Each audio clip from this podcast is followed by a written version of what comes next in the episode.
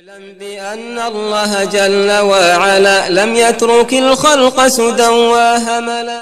اعلم بأن الله جل وعلا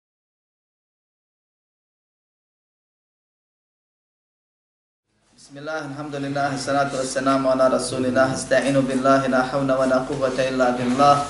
اللهم لا سهل إلا ما جعلته سهلا وأنت تجعل الحزن إذا شئت سهلا اللهم أرنا الحق حقا وارزقنا اتباعه وأرنا الباطل باطلا وارزقنا اجتنابه ولا تجعل الحق ملتبسا علينا فنضل.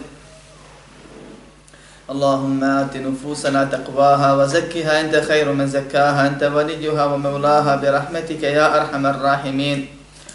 اللهم ربنا لا تزغ قلوبنا بعد إذ هديتنا وهب لنا من لدنك رحمة إنك أنت الوهاب. اللهم أصلح لنا ديننا الذي هو عصمة أمرنا وأصلح لنا دنيانا التي فيها معاشنا وأصلح لنا آخرتنا التي فيها معادنا واجعل الحياة زيادة لنا في كل خير واجعل الموت راحة لنا من كل شر. برحمتك يا أرحم الراحمين. اللهم يسر ولا تعسر. اللهم بارك وتمن بالخير أما بعد Sva hvala i zahvala pripadaju samo Allahu, savršenim, savršenom gospodaru, koji nema sudruga, koji nema mahane, koji nema sličnoga, a kamoli ravnoga sebi. Salavat i salam na Muhammeda sallallahu anehi ve Allahovog groba najboljeg i njegovog poslanika posljednjeg, koji je poslan kao milost uputa i primjer vjernicima i najbolji uzor da pokaže da je jedina vjera koju Allah prima islam, da je jedini islam koji je ispravan onaj s kojim je Allah subhanahu wa ta'ala poslao Muhammeda sallallahu aleyhi ve sallame da pokaže ljudima kako se u Allaha vjeruje, kako se po Allahove vjeri djeluje, kako se najispravnije sa ljudima obhodi i ponaša prema njima. Hvala Allahu subhanahu wa ta'ala što nas uputi na pravi put.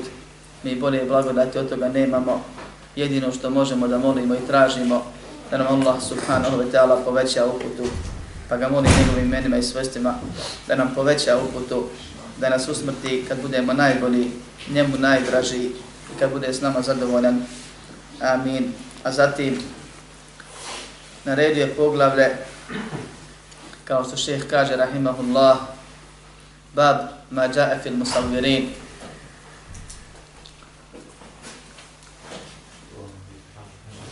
Prije toga želim spomenuti jednu stvar koju kaže Ibn Lukaim rahimahullahu djelu dijelu Medarib Salikin. Čovjek ne može postići pravilan edeb sa Allahom subhanahu wa ta'ala čovjek se ne može ispravno obhoditi prema Allahu subhanahu wa ta'ala osim da ga spozna kroz njegova imena i svojstva, da nauči šta Allah voli, a šta ne voli, to jest da upozna propise Allahove subhanahu wa ta'ala. I treća stvar koja je bitna, a to je da ima dušu dobro spremnu da se pokori onome što sazna znanjem, riječima i dijelima. Sve ove stvari koje radimo iz knjige Tevhida su grijesi koji umanjuju ili odnose Tevhid kod čovjeka. A znamo da smo stvoreni da Tevhida.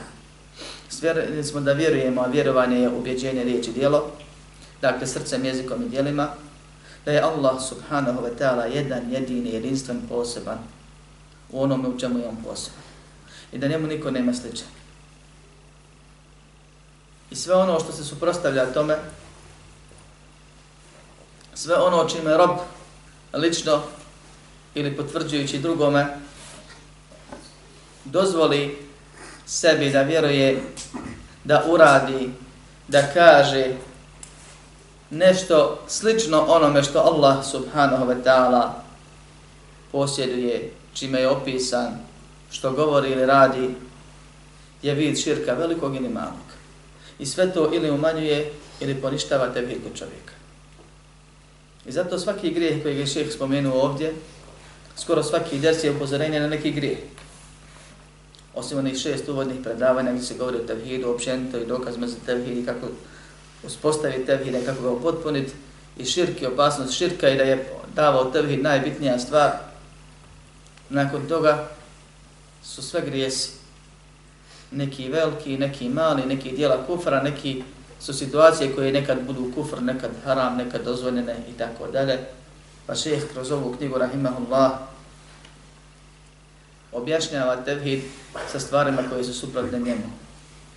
S, preko grijeha koji ga ili umanjuju ili poništavaju.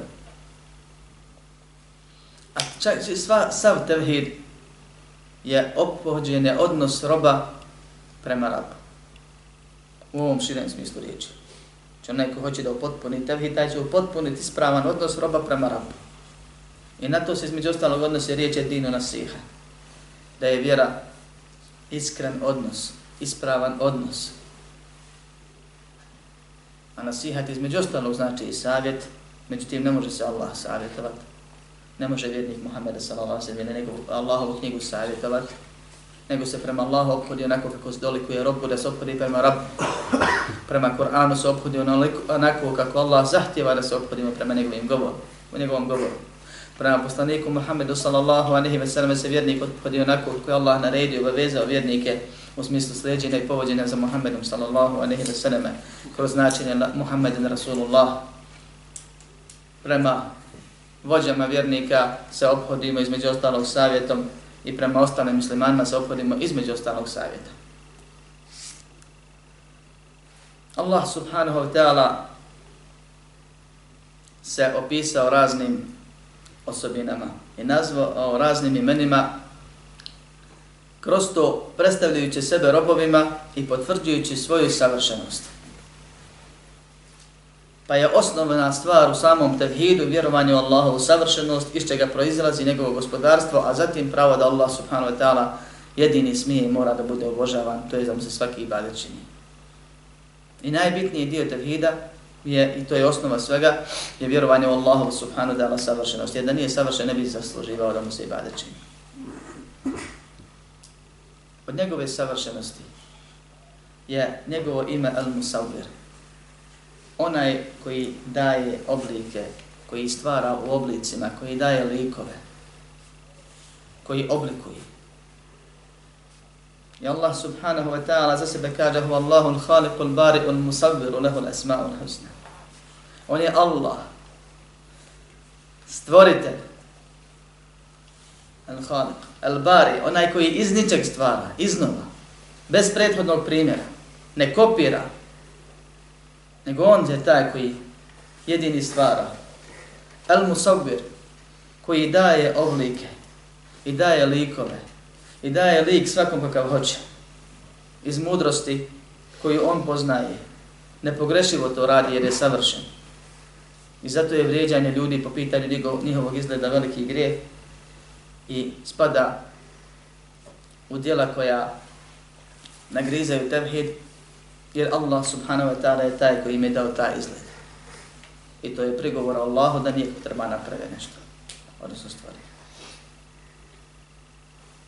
onaj ko bi došao i htio da se uporadi sa Allahom i da kaže ja mogu da stvorim ili mogu iz nečega da stvorim ili mogu ja ako Allah ili bolje od Allaha na udu billah da oblikujem, da dajem ja, da smislim s njim nekog lika koji ne postoji, koji je najlepši,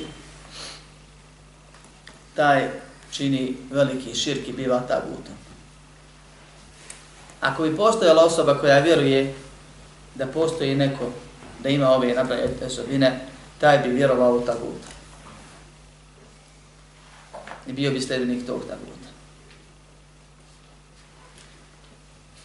Međutim, rekli smo i naučili smo kroz ovu godinu i pol dana da postoji veliki stvarni šir koji izvodi iz vjere i ovo je njegov jedan primjer po ovom pitanju i da postoji dijela koja ako na izgled liče na širk, Allah je ljubomoran, i zabranjuje ih strogo i nazvao ih je širkom i učinio, im, i učinio ih je većim grijehom od, ma, od velikih grijeha, ali to ne izvodi izvjere. Što? Zato što namjera čovjeka nije da učini širk. Namjera čovjeka nije da se poredi sa Allahom. Ali je rekao ili uradio nešto čime se uporedio sa Allahom vanštinom. Pa imamo primjere šta Allah hoće i ti, pa čovjeka nesvjesno digneš na stepen Allaha, pa je to vid malog širka. Imamo još primjera koje smo radili kroz ove. Jedan od grijeha velikih i teških, kojeg Allah subhanahu wa ta'ala izdiže na veliki stepen samo iz ovog razloga, što je nenamjerno, nesvjesno, poređenje sa Allahom subhanahu wa ta'ala je slikanje ili vajanje. Slikarstvo i kiparstvo.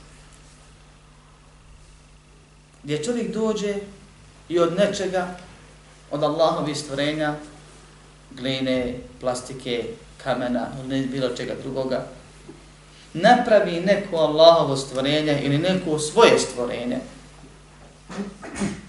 koje liči na nešto što ima dušu.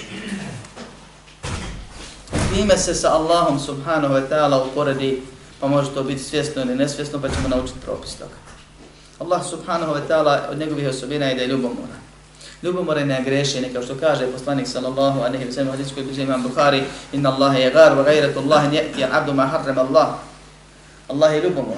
I njegova ljubomora biva onda kad Allah radi ono što mu kad rob radi ono što mu Allah zabranjuje.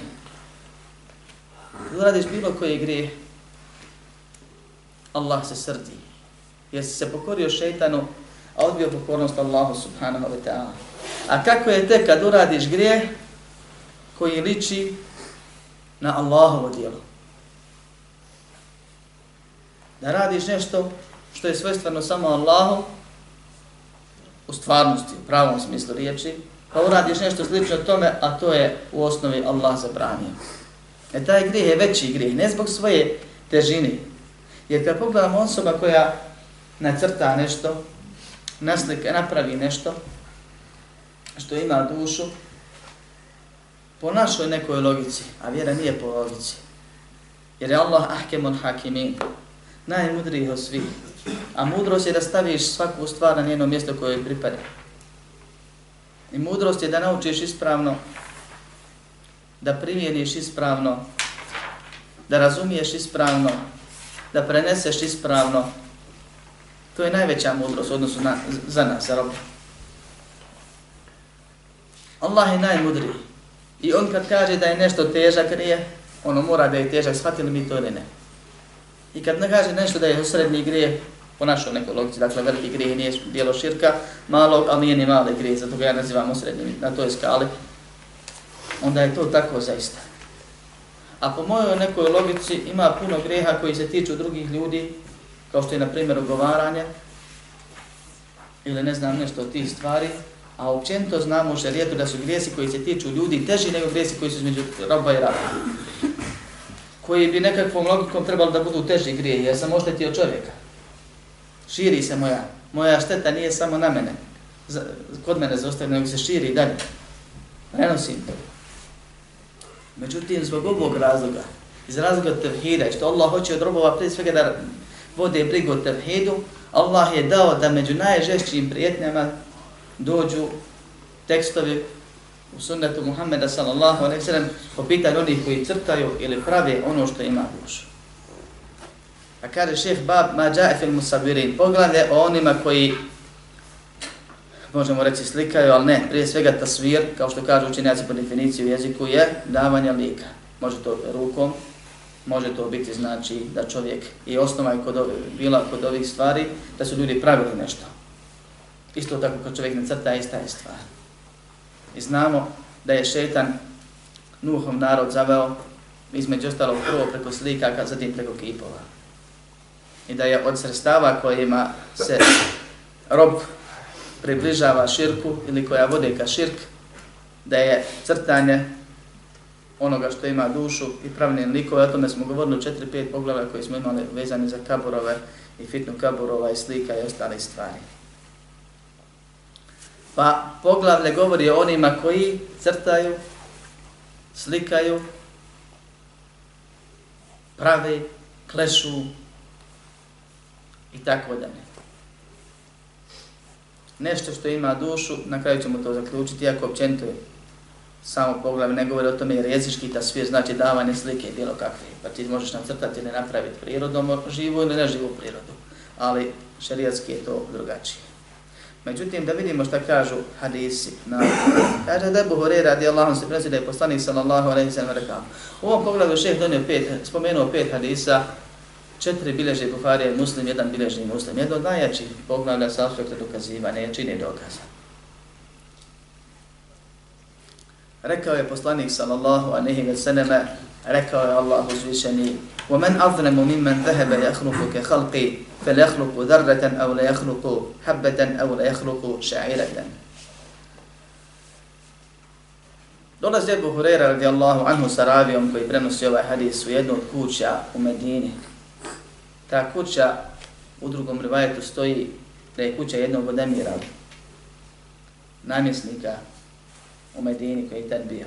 Ulazi u kuću i kaže, vidi slikara kako slika na, na krov, na, na plafonu. Pa kaže, čuo sam Allahov poslanika sallallahu aleyhi ve sellem da kaže, rekao je Allah uzvišeni, to je hadis kutsi, hadis, hadis kutsi.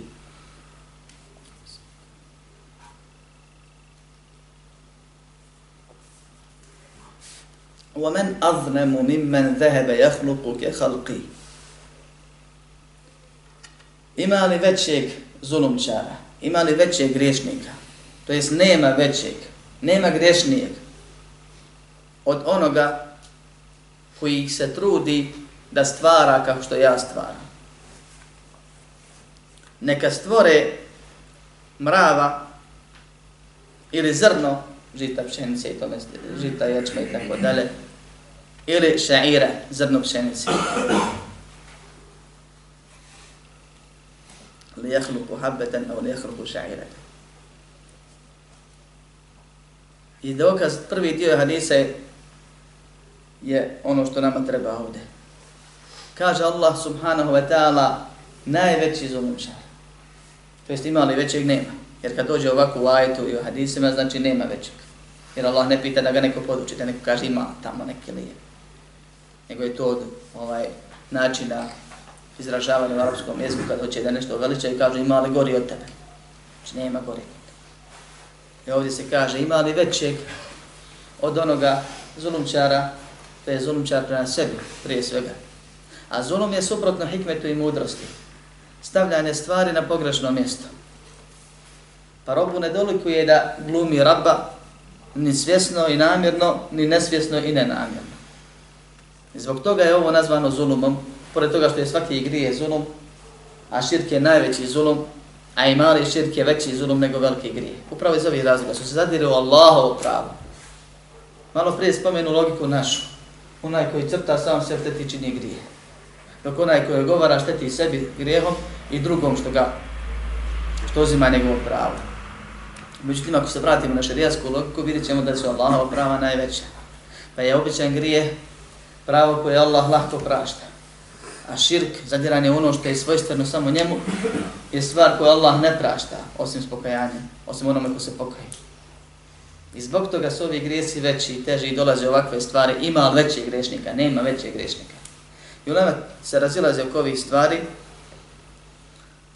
kako pojasniti, pojasniti najbolje, da li se ovo spada najveći grešnik među velikim grešnicima ili općenito ili šta ili kako i na što se odnosi i govorit ćemo ako bude na kraju kad budemo napravili rezime svega ovoga. Zatim kaže neka stvore mrava, neka stvore zrno, onako što Allah stvara. Od elemenata njegovih, svojih, a ne od njegovih. Da bude ima sve one funkcije. A ne ovo hibridno što nešto pravi pa uvijek fali nešto, nije kako treba. Na kraju opet od Allahovih elemenata koje Allah stvori u prirodi. Nisu oni svoji neki ubacili, koji ne postoji, nego oni smisleni. A ako su sastavili nešto, opet su sastavili iz niza elemenata osnovnih koji postoje u prirodi. Pa to nije njihovo, jer neki dođu i kažu to smo mi i tako da. Neka stvore mrava, kao što Allah kaže,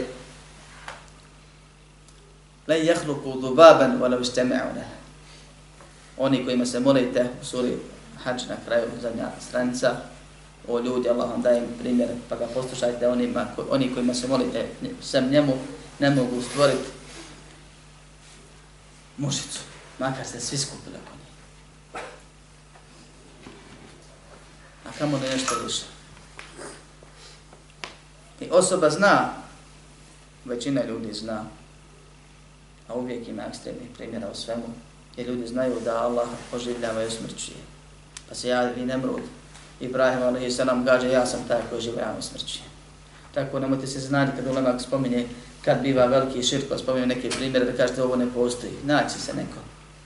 I naći se neko ko, iako u stubini duše zna da to nije to da priziva sebi to, da se trudi.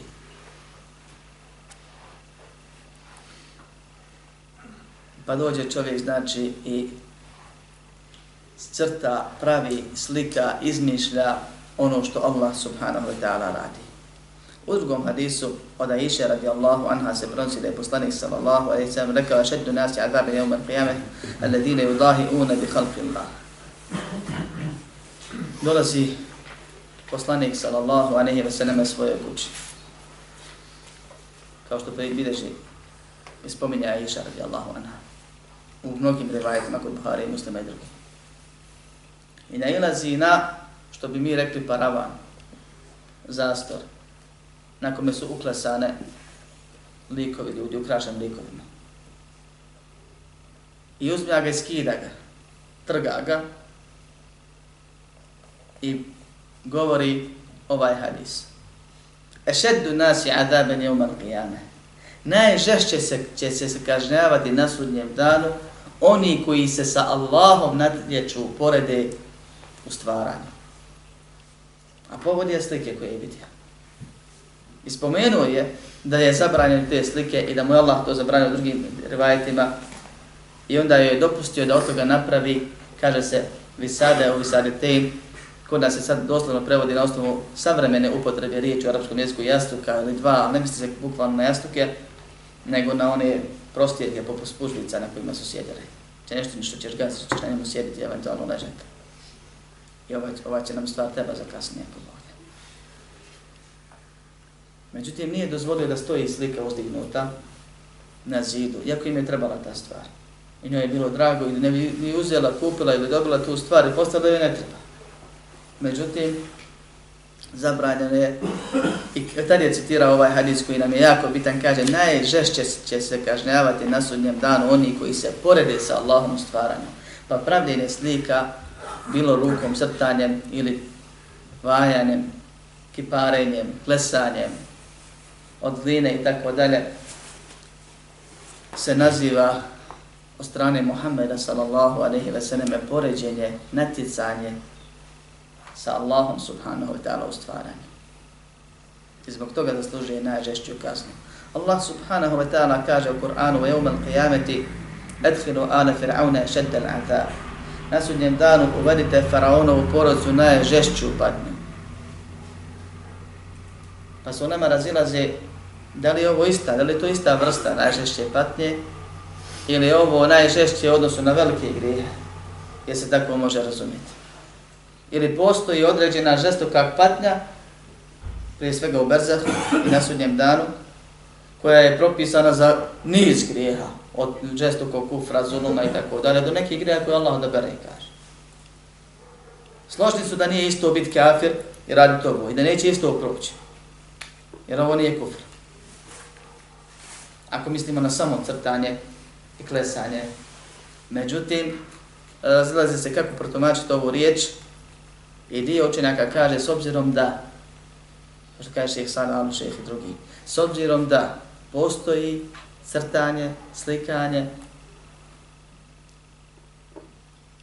pravljenje, koje je veliki kuf koji izvodi izvjere, ovaj hadis se prvenstveno odnosi na to. A također odnosno na velike grijehe, oni koji to rade, a nisu izašli iz vjere, zaslužuju najveću kaznu koja je pripremljena za velike grešnike, za razliku od one kazne za nevjernike za koju znamo da je žešća.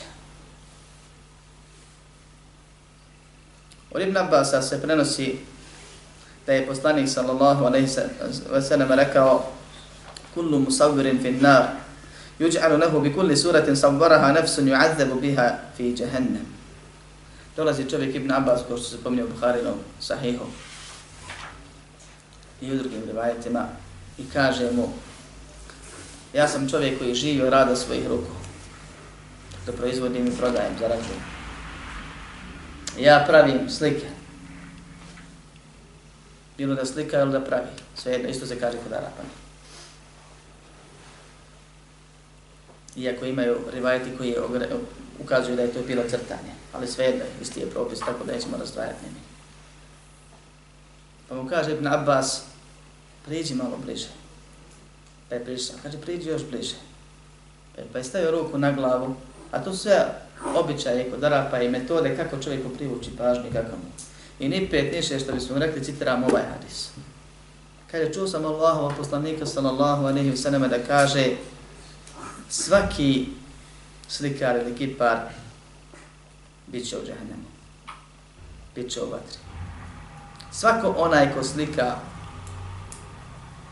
ko pravi, bit će u vatri.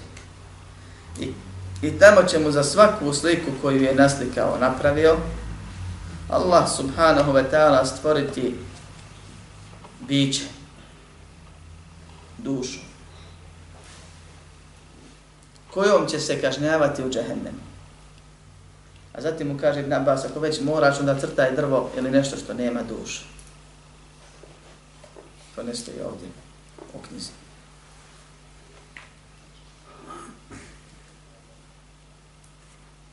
Kaže poslanik sallallahu alejhi ve selleme svako onaj ko pravi slike biće u vatri. I taj mu će mu Allah subhanahu wa ta'ala za svaku sliku stvoriti dušu, pa se razilazi u lema, jer se može tako razumjeti, da li će mu za svaku sliku posebno odrediti kaznu koje, kojom će ga melek ili meleci kažnjavati, ili će bukvalno Allah tu sliku oživjeti da ona bude ta koja ga kažnjava. Milo kako bilo, ne valja nijedno. Da Allah sačuva. I ovo sve govori da je to veliki grijeh i težak grijeh. Ju'adzebu biha fi džehennem. I njom će biti kažnjavan u džehennem. Također, od Ibn Abbas se prenosi da je poslanik sallallahu alejhi ve sellem rekao Buhari Muslim bileže men sawwara suratan fi dunya kullifa an yanfukha fiha ar-ruha wa laysa binafikhin ko bude na dunjalu ko pravio, kad kažem pravio, mislim na crtane ist, ono, pošto jedan i drugi ima isti propis. Slike. I da ovdje stanemo, bio bi problem, odnosno bi se na sve slike. Kaže, bit će natjeran, bit će obavezan da za svaku sliku, da svakoj slici udahne dušu. A neće to moći učiniti. Ima i drugi rivajdi koji preciznije objašnjavaju da će biti čovjek tjeran, da reći mu udahni dušu, stvori kao što si stvarao i tome slične stvari. I kažu islamski učenjaci, to je poznato, da je najveći vid kazne kad te neko tjera nešto što ne možeš da uradiš. A pri tome te muči i mučenjem te tjera da to uradiš. I u džahennemu, braćo moja, kao što postoji fizička kazna koja je bolna i najbolnija moguća kazna koja postoji u, u, u postojanju, također postoji mnogi vidovi psihičkog kažnjavanja. Činjenica da ne mogu pričati kasnije. Da se ne mogu Allahu obratiti. Da će vječno boraviti.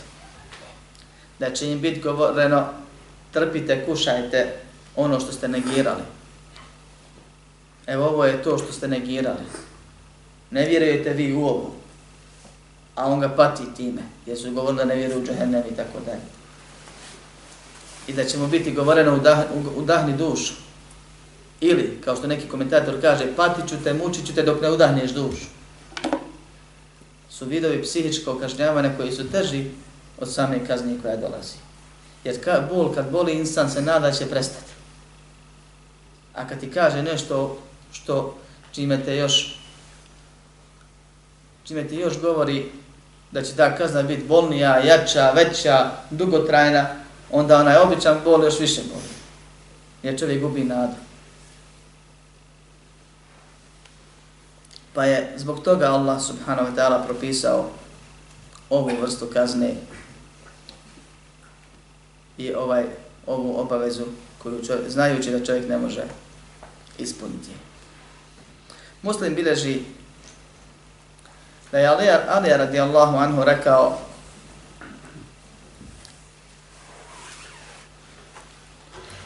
ألا أبعثك على ما بعثني عليه رسول الله صلى الله عليه وسلم ألا تدع سورة إلا طمستها ولا قبرا مشرفا إلا Poslaću te onako kako me je poslao Muhammed sallallahu alaihi sallam, Allahom poslanik sallallahu alaihi sallam. A ima i drugi rivajet kod Ahmeda gdje, gdje, gdje detaljnije pojašnjavaju da ga je poslao u Medinu sa namjerom i naredbom koju citira Alija radijalno na ovde. I kaže da ne ostaviš ni jednu sliku, a da je ne izbrli, izbrišeš, zamrljaš. I tako je uništiš. I nijednog uzdignutog kabura, a da ga ne poravniš, ili a da ga ne urediš. Tako se isto može razumjeti. Prije svega ovdje ima nekoliko poruka u ovom hadisu. Prva je obaveza uklanjanja slika koje su uzdignute. A dokaz za uzdignute je onaj hadis što je poslanic sam dopustio da budu dole. Iako se ovdje ne vidi u ovom. Drugo, da su slike u fitni ravne kaborovima i na to ukazuju 4-5 dersova kojima smo govorili ranije i ova između ostalog stvar, da je poslanik sam sari sa dva zadatka koji su mesobno povezani i slični. Uništi slike i poravnjaj uzdignute kaborove.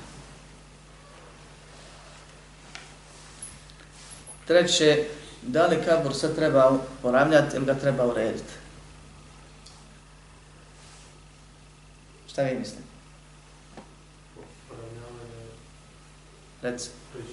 Poravnjavanje i uređivanje. Ovdje su nama ne razilazi osim sa, na što ukazuje ova riječ. Da li se misli urediti ga, a poslanik sa lasem pojasnio i naredio da se kabor mora dignuti jedan pedal i da se ispod njega, iznad toga mora vratiti na visinu pedala. Između ostalog. I govorili smo o kaborovima niz stvari kako skaborove treba paziti, čuvati, održavati, na njih ne sjediti, ne ponižavati, kako se je zabranjeno na kabore, na kaborovima zidat, ciment, gips, opterećivati mrtvog, stavljati mu 20 i više kilograma na glavu stvari koje on osjeća, betona i tako dalje, i kako treba po propisu da bude, i kad ga urediš po propisu, ti si ga, jer je obično ili ono zapušten, pa ga ljudi gazi, pa si ga obilježio, zaštitio, ili je najčešće uzdignut, nešto je na njeg stavljeno što ne bi smjelo da bude, pa treba ga poravniti na način koji je šarijetom propisan. Poslanik sallallahu alaihi sallam je bio vladar, šalje čovjeka sa zadatkom u državi islamskoj da uradi taj zadatak. Stoga muslimani kad imaju vlast i moći gdje imaju obaveznost da ovako postupaju sa kaborovima, sa kipovima, sa slikama i tako dalje. Nije dozvoljeno pojedincu da izaziva problem sebi i drugima tako što će na svoju ruku u mjestu i vremenu kad nema vlast rad nešto od ovoga i na tomu su fetve islamskih učenjaka. Osim tamo gdje ima vlast, to su naše kuće, oporukom naše groblja, naše mezar, mislim na konzumira svoj mezar ili ono gdje možeš, da. I Allah ne opterećuje nikog preko mogućnosti i opterećuje svakog do mogućnosti. Pa probaj vidi ako možeš dobro jezik, ako ne možeš nisu obavezno.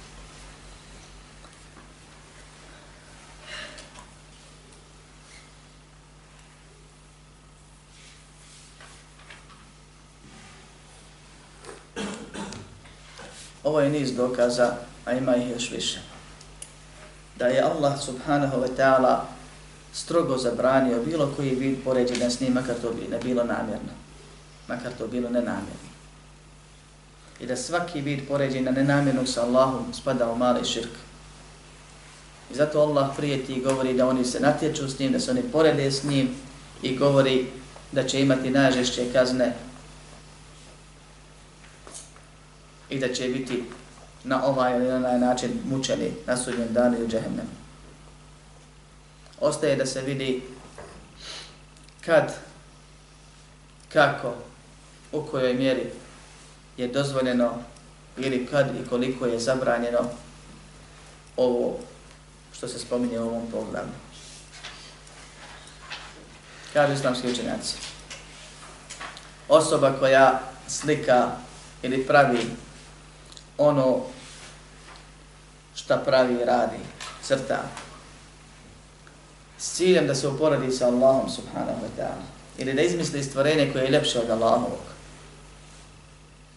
Makar vi ne znali nikog, ne spominje se slučajno ovaj propis onako bez vize. Nađe se uvijek neko ko sam rekao malo prije. Taj čini veliki kufr i širk. I to je samo po sebi kufr. Ako misli neko da se tako nešto može. Makar probu da vidi. I nije dozvoljeno, kao što nije dozvoljeno probat da napraviš suru, da ti napišeš neku suru poput kuranske sure, tako nije dozvoljeno probat napraviti lik poput Božijeg lika i tvrdi da je to slično i lepše i tako dalje. Jer nije isto što je živo i neživo, a da ne govorim druge stvari.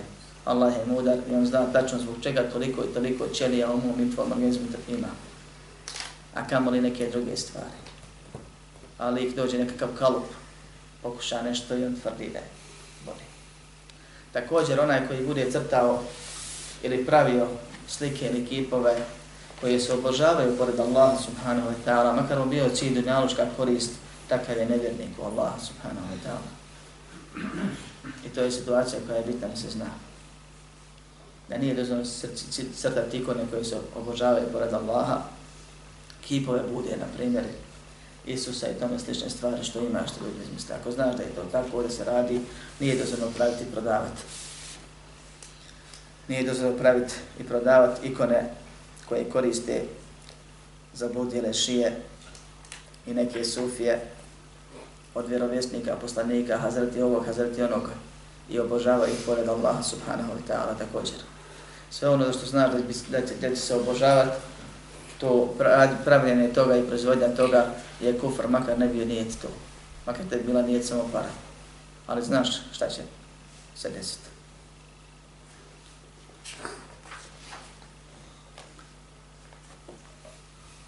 Crtanje nežive prirode je dozvoljeno. I u tome nema nikakve smetnje. Da čovjek crta za svoju dušu ili da prodaje. Da isključimo to odmah. Ulema se razilazi u početku, pa je bitno spomenuti samo razilaženje, a ja nemam vremena da pojašnjam sve sačajaci ako Bog da, pa ćemo ići na direktno i reći ćemo, kad govorim o ovim stvarima, nema, po ispravnijem mišljenju, nema razlike između crtanja i kipa. Što je dozvoljeno crtati, dozvoljeno je napraviti, dozvoljeno, zabranjeno napraviti, zabranjeno je crtati. Pa se razilazi ulema oko tih nekih detalja, pa kažu crtanje živih bića sa likovima. A kad se kaže lik, prije svega se misli na lice i one crte lica osnovni, oči, nos, usta i tako dalje. Crtanje živih bića ili pravljenje živih bića bez ova dva nijeta, malo prije spomenuta je haram i to veliki grijeh. Ali ne izvodi izvjere, osim ona u onim situacijama kad je spomenuta. pravljenje lutki, igračaka i ostalih stvari. Dio će nekad dozvoljava ako je od nečega što ne traje dugo. Jer imamo dokaze za vunu i ostale stvari. Drugi dio će nekad dozvoljava i kaže da su oni bili mogli bolje, napravili bi lepše. Što znači da je osnova je da dozvoljena. Pa dozvoljavaju upravljanje tih stvari sve dok se koriste u tu svrhu korištenje, braćo moja, igračaka i držanje u kući dozvoljeno je u dvije situacije. Prva je sve dok se koristi. Djeca kad ih igra i kad se s njima igraju, oni ih ne veličaju. To bude razbacano i ostale stvari. Bude na mjestima.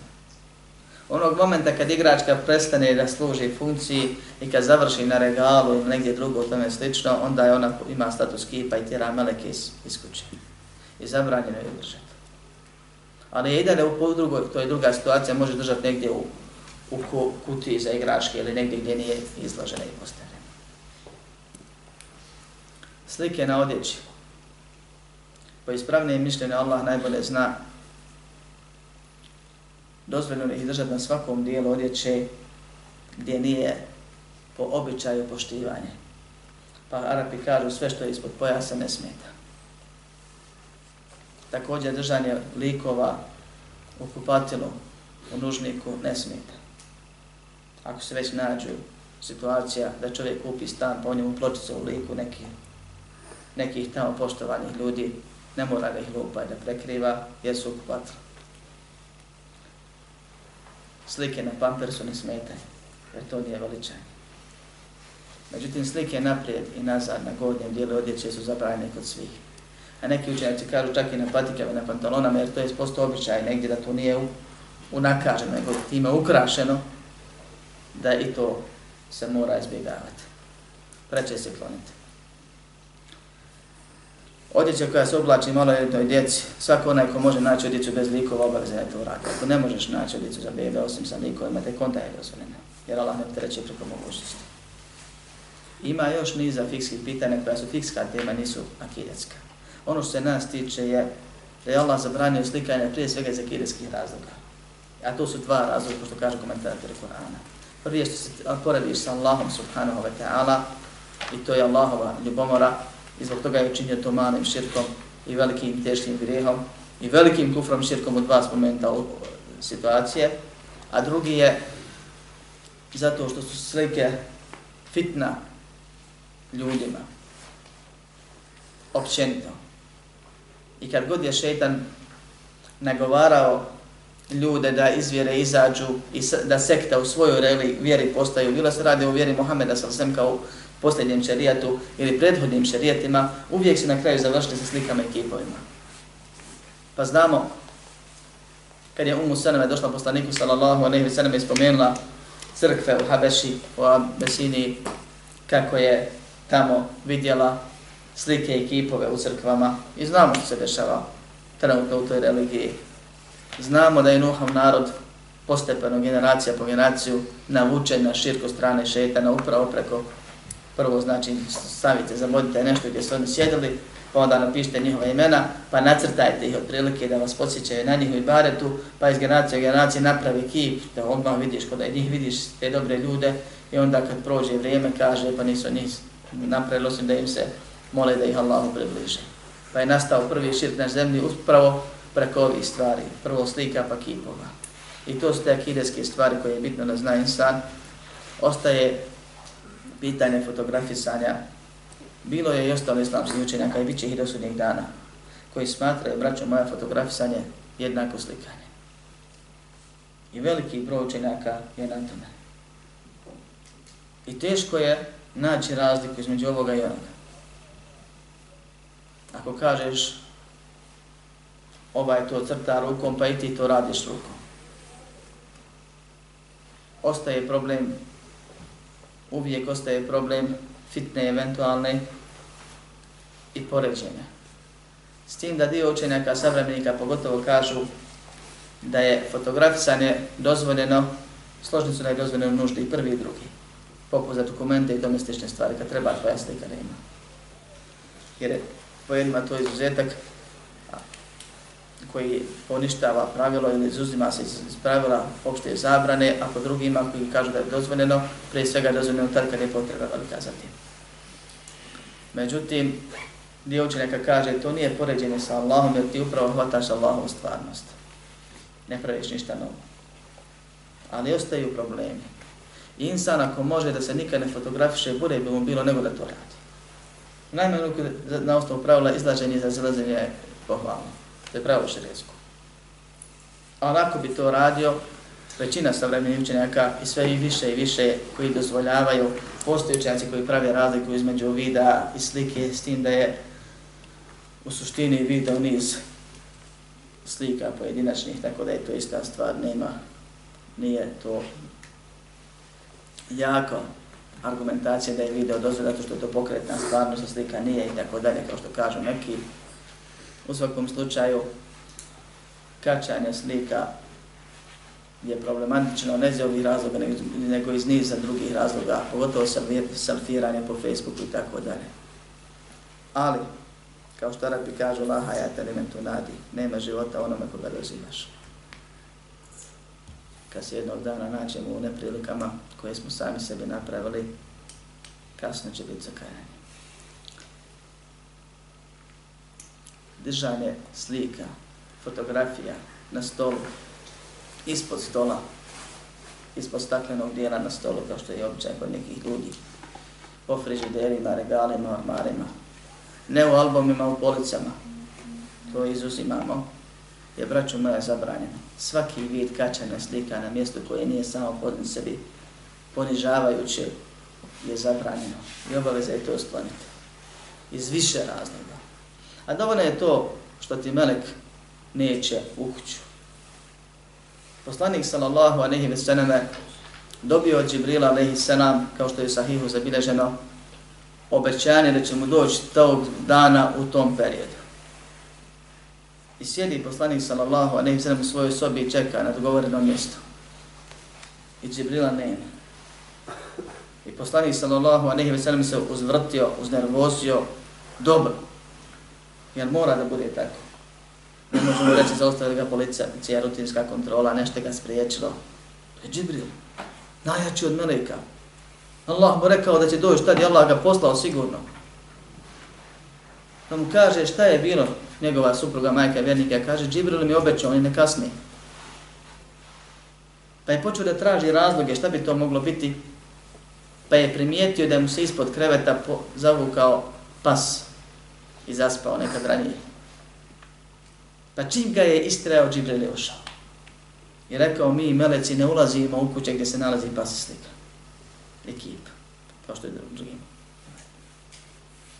I čovjek treba da vodi računa, često ćemo naći kod osoba koji imaju problema sa sihrom, da u kućama imaju nekakve figurice ukrasne, da imaju sličice, da imaju ovo ili ono.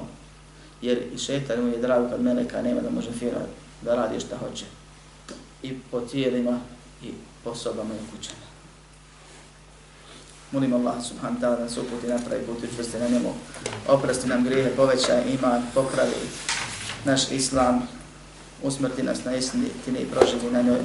Amin. Alhamdulillah.